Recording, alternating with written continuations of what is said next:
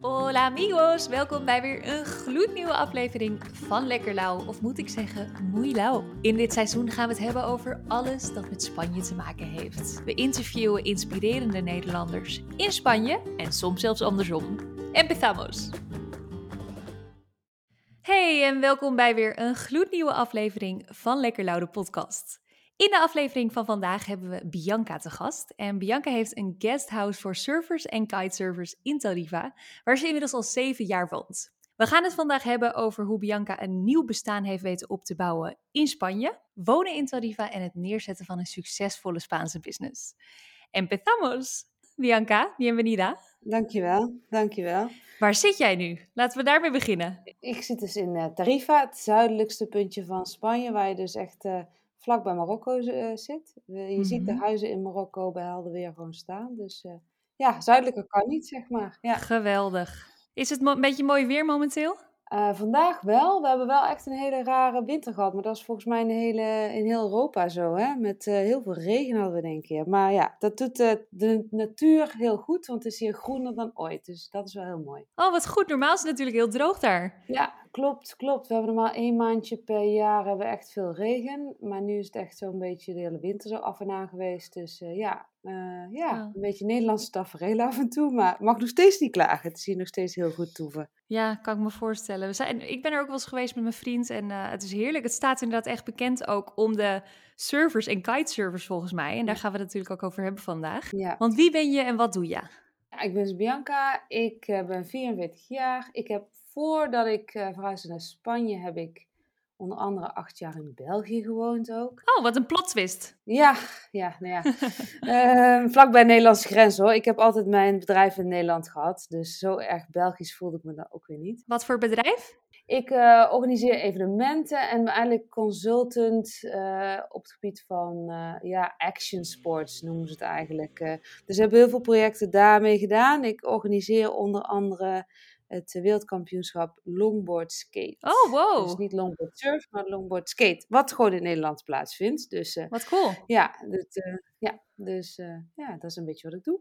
Dus jij bent wel echt thuis in het wereldje van dus de daredevil sporten, om het even zo te noemen. Want ik hoorde skaten, surfen, kitesurfen. Dat doe je ook allemaal zelf? Ja, dat doe ik allemaal zelf. Wat leuk.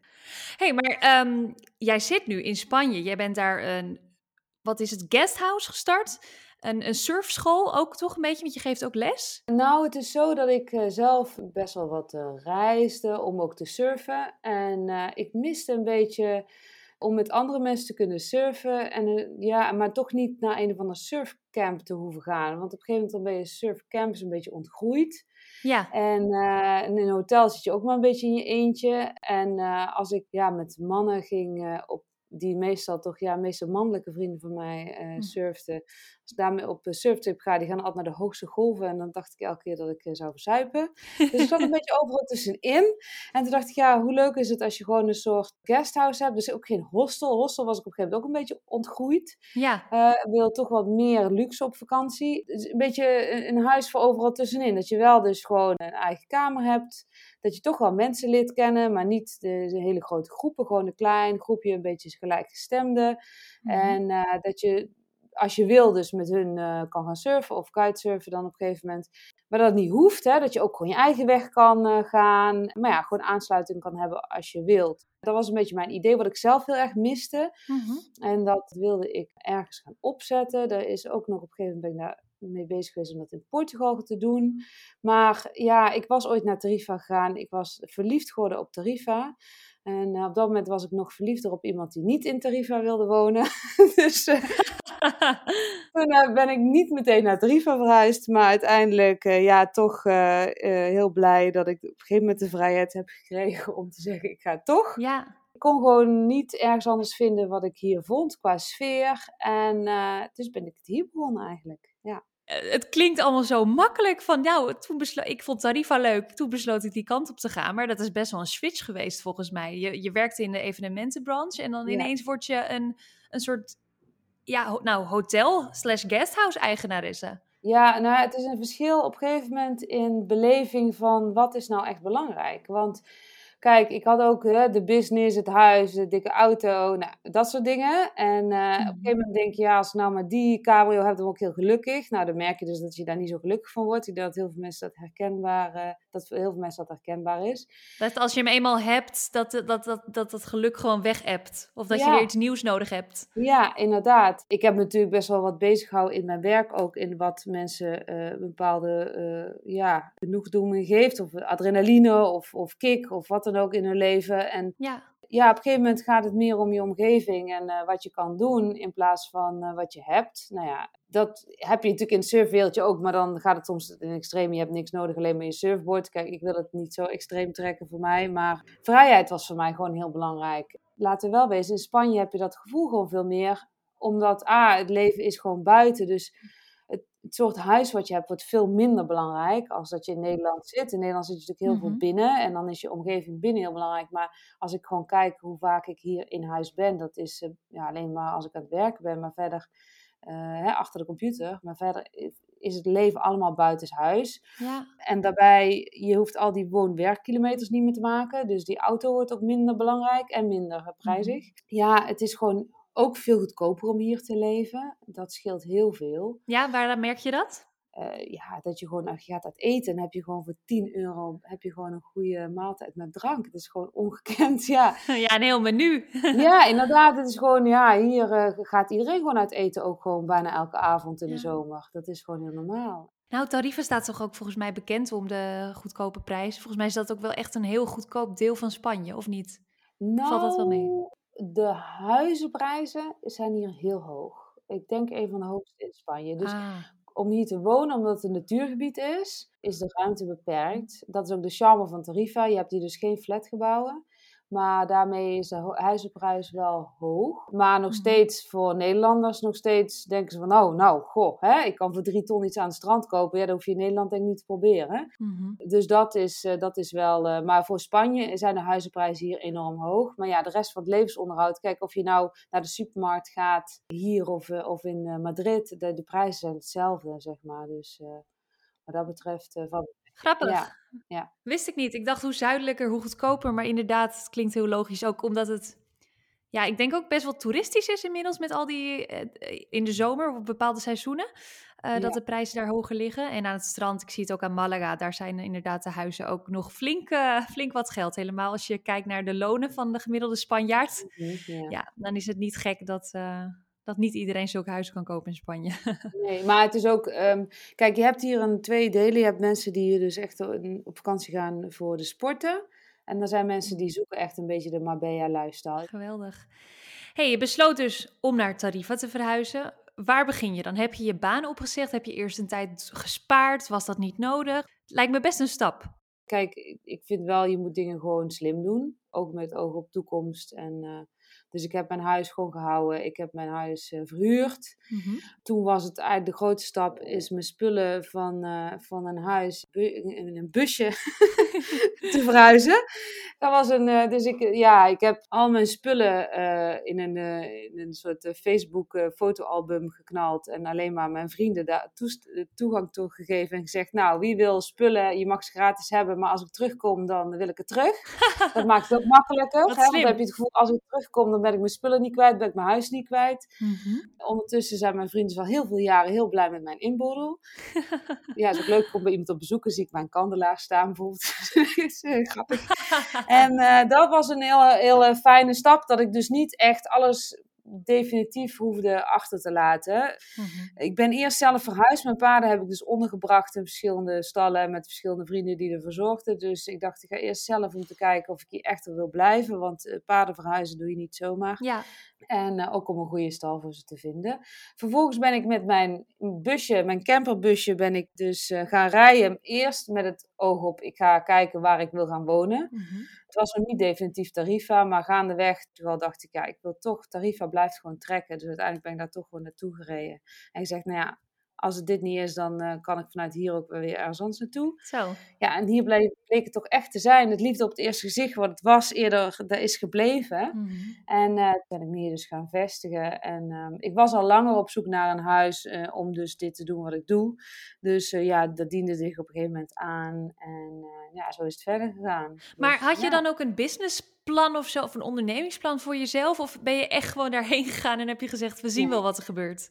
Ja, want ja, je moet zelf op een gegeven moment ergens gaan wonen. Eh, ik had helemaal, nee, ik had geen businessplan. Ik, uh, ik, het, mijn geluk was dat ik gewoon uh, mijn werk kon blijven doen. Ik had ondertussen geen vast personeel meer, alleen maar freelancers. Dus dat was heel makkelijk. Dan heb je ook niet zo'n heel groot risico. Als je een oh, business hebt, dan zit je niet met enorme vaste lasten. Ik heb mijn kantoor nog uh, twee jaar of zo aangehouden. En ik ging elke maand naar Nederland, vloog ik om mijn planten water te geven. Dat bleek dus echt totaal overbodig te zijn. dus op een gegeven moment heb ik ook mijn kantoor opgegeven. Ja, een, een vast Skype-nummer, uh, wat dus, waarbij het leek dat ik gewoon nog in Eindhoven zat met mijn bedrijf. En uh, ja, ik heb letterlijk in het begin, nu is dat veel normaler, maar zeven, acht jaar geleden was het echt niet normaal dat je uh, remote werkte voor je klanten. En ik heb echt gehad dat ik met een paard in mijn hand op het strand stond en dan uh, tegen een, iemand, een klant zei: Oh, ik sta net bij de auto om naar een afspraak te gaan. Kun je dat even naar me mailen? Maar ik stond gewoon op het strand met een paard in mijn hand. Oh, ja. wauw. Dus uh, zo'n beetje, ja, ja, ja. En nu, kijk, nu heb ik op een gegeven moment, je wordt heel goed in het schiften van wat belangrijk is. Ik heb zoveel tijd in mijn bedrijf ook gespendeerd aan onbelangrijke dingen. Projecten die nooit gaan worden. Uh, vergaderingen met allerlei mensen die allerlei plannen hebben, maar uiteindelijk waar niks uitkomt. Je wordt mhm. heel erg, erg selectief. En uiteindelijk merk je gewoon dat je veel effectiever een business kan runnen als je tijd veel waardevoller wordt. Het is niet zo van, oh ja, ik zit vanavond toch uh, in het donker achter mijn computer en het is dat of de, of de tv, dus dan ga ik dit maar doen. Het is meer zo van, oh ja, wil ik vanavond hier aan werken of wil ik gezellig gaan eten met mijn vrienden? Of... Oh, daar zeg je, daar heb je een punt, ja. Ja, ik bedoel nu zo, als ik nu iets ga doen, dan betekent dat ik minder kan surfen, kitesurfen, uh, leuke dingen kan doen. En dan wordt je tijd wel kostbaarder op een andere manier. Dus uh, dat heb ik heel erg geleerd. Dus ik heb, uh, ben heel erg, ik heb nu het laatste deel van, van mijn bedrijf eigenlijk uh, ook overgedaan aan een concurrent. niet van het laatste deel, nog een deel wat ik echt in Nederland moest doen.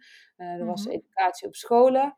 En ik dacht, ja, dat ga ik gewoon niet meer doen. Dus ik ben echt me gaan focussen op wat ik echt heel belangrijk vond. En dit is bijvoorbeeld het, het, het longboard evenement. Ja, en, en daarmee heb ik gewoon uh, contact met mensen over de hele wereld. Dus dan maakt ook inderdaad de plek en de tijd op een dag niet meer uit. Want ik heb gewoon vergaderingen om 11 uur s avonds met mensen uit Amerika bijvoorbeeld, weet je wel. Ja, het is nu half negen s avonds, even voor de luisteraar. En voor mij is het best wel laat, want ik zit nu in dat Nederlandse ritme. maar voor jou, jij moet waarschijnlijk nog avondeten. Toevallig niet. Ik ben best wel Nederlands. Ik snap het nog steeds niet. Zomaar word je erin meegenomen. maar het, het, het hele uh, verhaal van om 11 uur nog een keer avond te gaan eten, dat is toch uh, te Spaans voor mij. Maar ja, dan word je soms, oh, ja, word je daar wel in meegenomen, ja natuurlijk. Het is ook wel gezellig als je de hele dag op het strand bent, uh, om geen ja, toch? tijd te hebben, ja. ja. ja. En nog heel even terug op, je, op dat moment dat je naar Spanje ging. Als ik het mag vragen, heb je dan eerst dat gebouw, of het is een gebouw toch? Want het zijn meerdere kamers, kan ik me voorstellen. Ja, nee, het is een, een duplex heet het. oh ja. Je hebt hier in, in Spanje heb je heel veel soort. Ja, hier in, hier in Tarief heb je heel veel gebouwen. Die zijn gebouwd in een vierkant hè, tegen de wind, want het waait mhm. heel veel. En onderin zijn dan winkels of, of businesses. Hier is het bijvoorbeeld een crèche, een dokter en een, uh, een slager. En, mm -hmm. en uh, dan heb je de, de, de bovenste lagen zijn dan woningen. En dat is heel erg wat hier in Tarifa, hoe heel veel wordt gebouwd. Oh ja. En ik heb dus de eerste en tweede verdieping van een huis. Het is niet zo heel groot. Hè. Ik heb een eh, capaciteit van, even kijken, 1, 2, 3, 4, 5, 6, 7, 10 mensen ongeveer. Oh, nou, dat vind ik nog best wat. Ja, maar geen tien kamers. Hè. Het zijn, uh, mm Dus het is meestal dubbele of, of triple kamers. Maar die worden wel dus gewoon in één keer geboekt. Het is niet zo dat mensen hier een bed kunnen boeken. Nee. nee maar dat heb je dus eerst gehuurd of heb je dat gekocht? Ja, ik heb het eerst gehuurd en uh, toen deed de eigenaar niks aan het uh, interieur. Ik mocht niks veranderen en ik dacht, ja, dit ziet, ik vind het er niet uitzien. Mijn gasten hadden daar echt graag nog helemaal geen last van. Ik leek me altijd te verontschuldigen voor, ja, sorry, die bank, ja. Hè. Dat was helemaal niet hoe ik het wilde. En de gasten hadden daar last van, maar ik had daar heel veel last van. Ik wilde het echt op mijn manier doen. En toen uh, heb ik op een gegeven moment gezegd van, nou, ik, uh, ik koop het. En de eigenaar wilde het ook verkopen, dus dat was mooi. En ik wist ook daarmee ook wat ik kocht, omdat ik daar al een paar jaar in zat. En, uh, en zo ja. wist wie de buren waren en of het inderdaad stil is s'nachts en dat soort dingen. Dus ja, ja ik heb het uiteindelijk gekocht, ja. Hoe ziet een dag voor jou eruit? Ben ik heel benieuwd naar. Ja, ja oh, ik durf bijna niet te zeggen, want het is zo, zo erg voor mensen die dat niet hebben. oh, maar dat is een goed teken, want jij bent dus wel heel blij met je leven dat je nu hebt. Nou ja, ik, ik, ik durf het bijna niet te zeggen, maar ik zal het zeggen. Ik, ik hoop dat iedereen uh, dat, dat, dat ook, uh, ook de nadelen daarvan kan inzien. Want je moet wel zelfdiscipline hebben, dat moet ik wel zeggen. Ik heb ook mm -hmm. mensen gezien hier die echt... Uh, de Tarifa Trap noemen we het. Mensen die hier komen en die geen discipline meer hebben om echt nog iets te doen aan werk. En die dus alleen maar leuke dingen nog doen. Ja. Ja, ik begin s ochtends voor Spaanse begrippen volgens mij wel zo vroeg. Nou, in ieder geval, uh, ik sta gewoon op ergens tussen 7 en 9 of zo. Dan ga, werk mm-hmm. ik wat. Dan ga ik vervolgens naar mijn paarden. Ga ik paarden trainen. En dan uh, kom ik zeg maar rond lunchtijd terug. Dan werk ik wat. Dan heb ik even lunch. Dan ga ik kiten. Oh. Uh, of surfen. En daarna kom ik terug en dan, dan werk ik zeg maar. Nou ja, kijk, het zijn natuurlijk maanden net voor mijn evenement dat ik echt hard moet werken. Dus dan, dan ben ik echt van s'avonds 7 tot s'nachts uh, 1 of zo, uh, als het echt hoogtij is, ben ik gewoon aan het werk hoor. Maar ik werk dus heel veel s'avonds. Ja. Dus dat scheelt. Dan kun je overdag gewoon heel veel leuke dingen doen. Uh, ja. ja, dat is natuurlijk ook het freelancerleven, dat je een beetje je eigen tijd moet indelen. En waarschijnlijk drukkere, vooral jij met, met, met een. Uh, met een guesthouse drukkere periodes, drukkere maanden en weer rustigere maanden waarin je meer tijd voor jezelf hebt. Ja, ja, in de zomer is het zeg maar in juli, augustus voor mij niet, niet echt mogelijk om echt veel achter de computer te doen. Omdat het gewoon constant mensen zijn. En die dan in, in de zomer is het echt zo, ik ga kiten met gasten, vervolgens ga ik uit eten met gasten en dan nog een drankje doen met gasten. Waarbij ik altijd voor één uur weg, altijd aftaai. Want ik bedoel, anders dan, dan ga je elke avond uh, aan de drank. En dat, uh, vind ik niet zo goed voor mijn gezondheid. Maar dat is dus ook deel van je baan. Dus om ja. mensen ook entertainen als ze er eenmaal zijn. Ja, dat is in de zomer meer als, als in de gedurende het, uh, het rest van het jaar hoor. Want er zijn natuurlijk dat die wel gasten zijn, maar uh, dat het minder intensief is. Dat mensen ook iets minder voor een kamer betalen en veel meer. Zeg maar, dan ga ik niet elke avond meer met mensen uit eten. Maar in de, in de hoogseizoen dat mensen ook echt ja, aardig wat betalen ook natuurlijk om hier te kunnen zijn.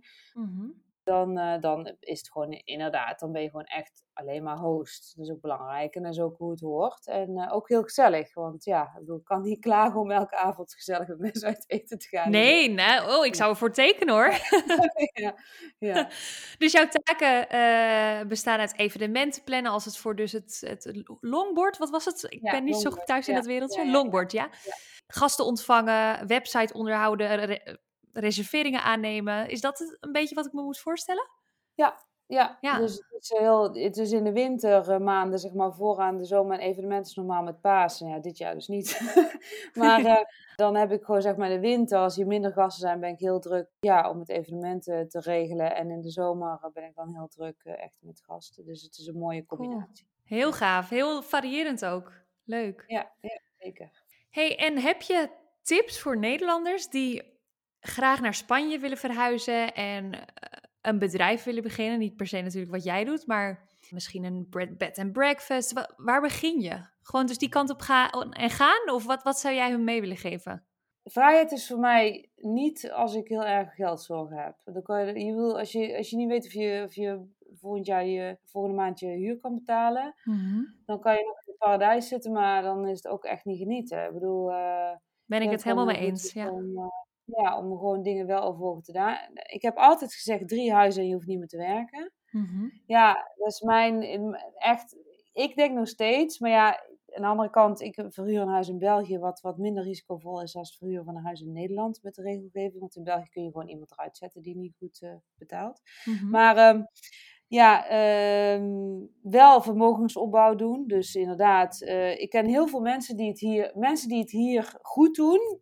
Uh, uit mijn kennissenkring zijn bijvoorbeeld mensen die hebben een huis in Amsterdam, in Londen, in ergens waar, een, waar de huuropbrengsten goed zijn. Mm -hmm. uh, en die hebben daarmee een soort basisinkomsten, maar ook een basisvermogensopbouw. Dus Ja. die hebben gewoon een hypotheek die iemand anders afbetaalt, maar hebben nog steeds wel iets wat ze nog hebben op het moment dat ze zeggen, ja nee, ik wil dit niet meer. Iets om terug op te vallen, ja. Ja, ik, ik denk, ik vind vrijheid voor mij ook dat ik elk moment van gedachten kan veranderen. Als ik morgen uh, dit niet meer wil, dan heb ik overmorgen dit huis verhuurd. Mhm. En dan, uh, dan, dan ben ik weg. En die vrijheid, denk ik dat heel belangrijk is. Ja. Dus uh, in plaats van een heel plan te maken en alles naar je gedachten dicht te timmeren, is het denk ik gewoon goed om te kijken van als ik deze beslissing maak, zit ik er dan aan vast of kan ik van gedachten veranderen? Ja. Voor mij is dit altijd winst omdat ik hier zelf woon. Mhm. Dus uh, nu ik geen gasten heb, heb ik nog steeds geen woonlasten die ik, hè, ik, ik, ik hoef geen uh, huur te betalen een andere, aan een andere plek waar ik woon. ik heb in het begin heb ik bijvoorbeeld in de zomermaanden, ja, zat ik meestal gewoon in camper. En dat vond ik eigenlijk heel fijn, want als het hier heel druk was, dan reed ik met mijn camper naar het strand en dan was ik uit de drukte. Hè, nadat ik met gasten uit eten was geweest en in de stad en allemaal gezellig en druk, was ik gewoon weg en stond ik onder de sterren in the middle of nowhere. Ja. Dus die combinatie is ook wel heel fijn. Het, het, het camper life is in Spanje echt ontzettend fijn, omdat je hier gewoon mooi weer hebt. Het geeft gewoon heel veel vrijheid, ook om vaste lasten te, te ontduiken. Mhm. Wat heel veel mensen hier doen, is een huis huren van uh, september tot juni of tot mei. Hè? En in de zomermaanden niet. En dat betekent dat de huisbazen in de zomermaanden hun huizen verhuren aan toeristen. Dan heel veel geld verdienen en dat de rest van het jaar iemand dus heel goedkoop kan huren. Er zijn ook mensen die dus in Nederland bijvoorbeeld juli, augustus of alleen augustus, want augustus is de drukste maand, in Nederland zijn, bij familie, gezellig. Hè? Mm daarmee dus de grote, dure uh, huur, zeg maar, vermijden. Mm daarmee dus uh, ja, wel uh, hier heel betaalbaar kunnen wonen. Ja, dat zijn van die tips, hè, uh, als je dus geen guesthouse hebt ook,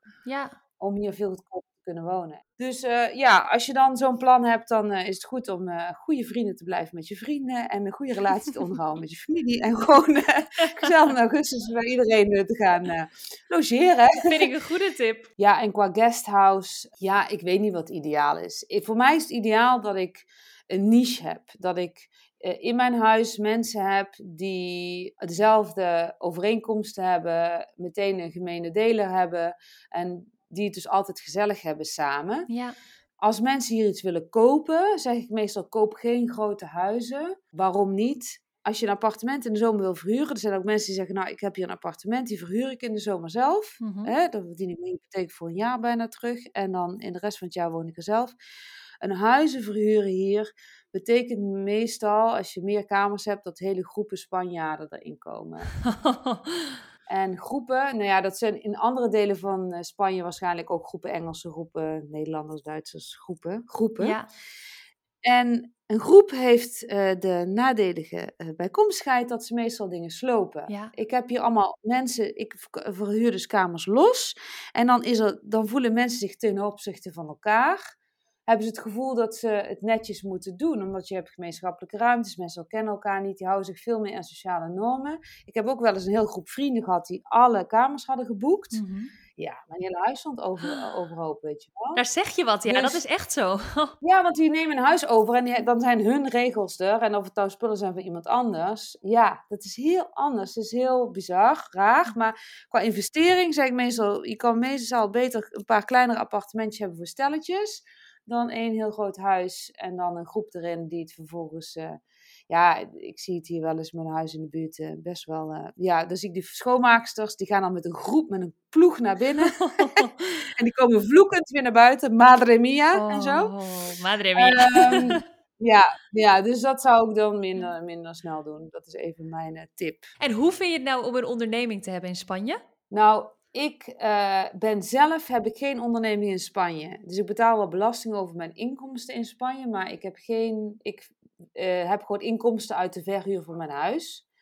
Mm -hmm. En mijn bedrijf is echt in Nederland. Uh, waarom? Ik hoor van mijn vrienden die dus wel Spaanse ondernemingen hebben, Spaanse eenmanszaken. De belasting ja die er in Spanje wordt gevraagd is heel hoog, wat ik van hun begrijp.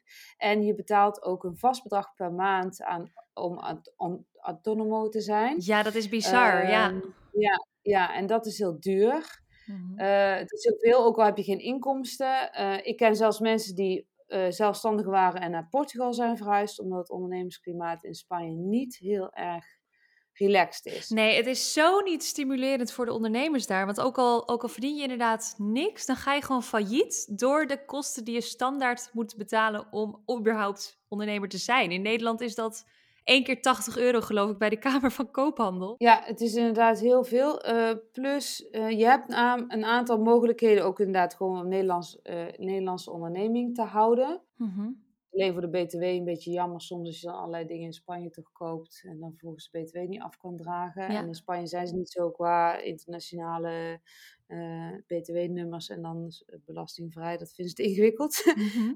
ja, ik zou zeggen, hou je zaken Nederland. Ja, wat ik zelf uh, daarbij ook als voordeel vind, is de Nederlandse ziektekostenverzekering. Mhm. Die wel heel duur is. Natuurlijk in vergelijking tot Spaanse. In Spanje, in Spanje heb je... Ja, in Spanje is het gratis. Ja, uh, maar de kwaliteit, in ieder geval in het zuiden, moet ik wel zeggen. Want het schijnt dat in de rest van Spanje de kwaliteit van de zorg beter is. Maar in Spanje, uh, ik heb zoiets van als ik iets heb waarmee ik kan reizen en dan volgens in Nederland voor behandeld kan worden, dan ga ik toch naar Nederland. Ja.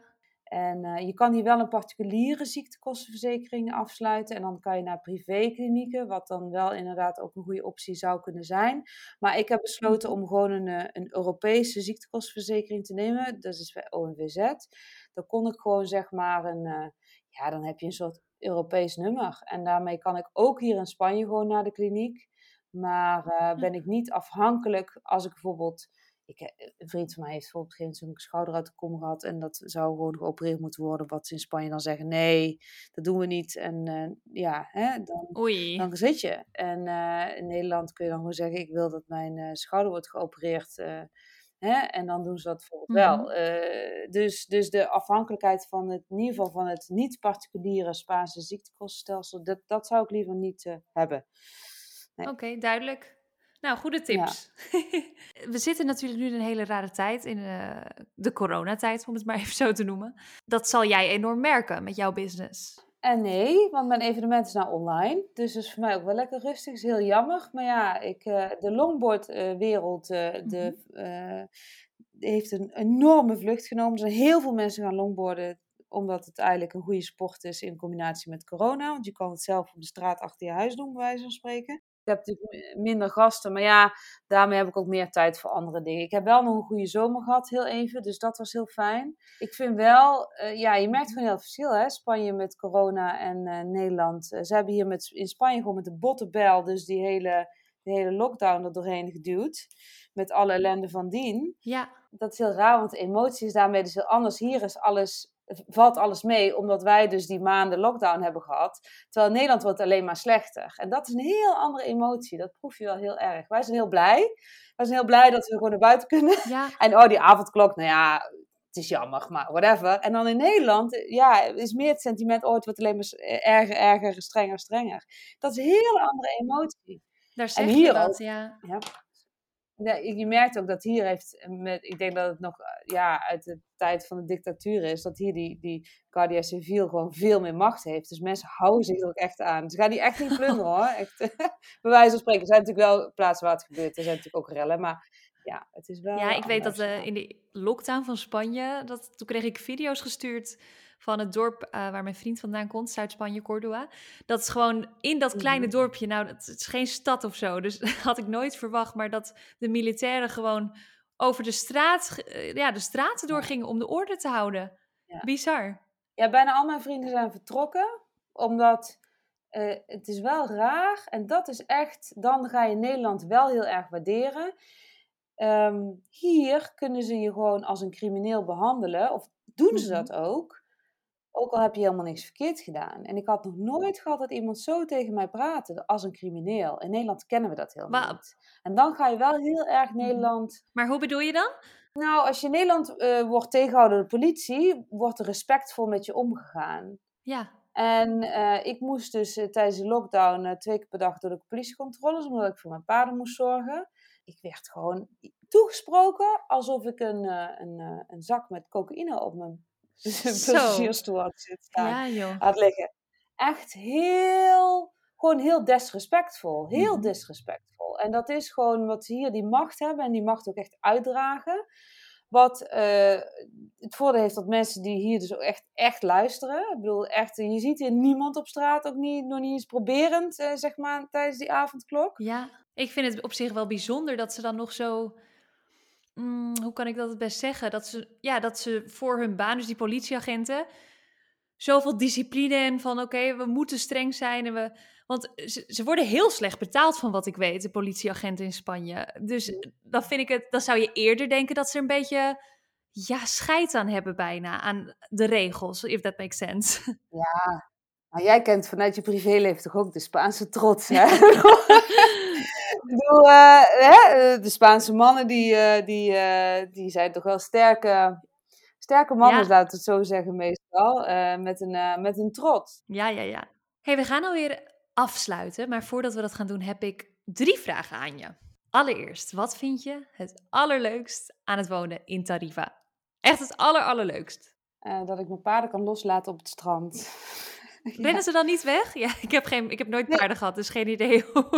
nee, omdat ze ook niet echt weg kunnen rennen. Het is gewoon heel lang strand en uh, ja, geen wegen uh, in de buurt waar ze op kunnen rennen of zo. Dus ja, de, de vrijheid. De, er is hier heel, heel weinig uh, stad. Dus heel veel ruimte. Past wel bij het perfecte plaatje inderdaad. In mijn hoofd zie ik dat wel helemaal voor me. Zo'n prachtig paard in galop op het strand van Tarifa. Ja, ja, Droomleven. Ja, Wat is je favoriet Spaanse gerecht? Ja, uh, nou, dan kun je beter niemand anders vragen. Ik ben vegetariër. Mm En wat natuurlijk in Spanje de beste gerechten zijn, zijn volgens mij de Iberico ham hier en de rode tonijn. Mm Dus uh, ja, ik zou zeggen voor alle andere mensen, uh, ja, is het hier toch de tonijn. Ja, hè?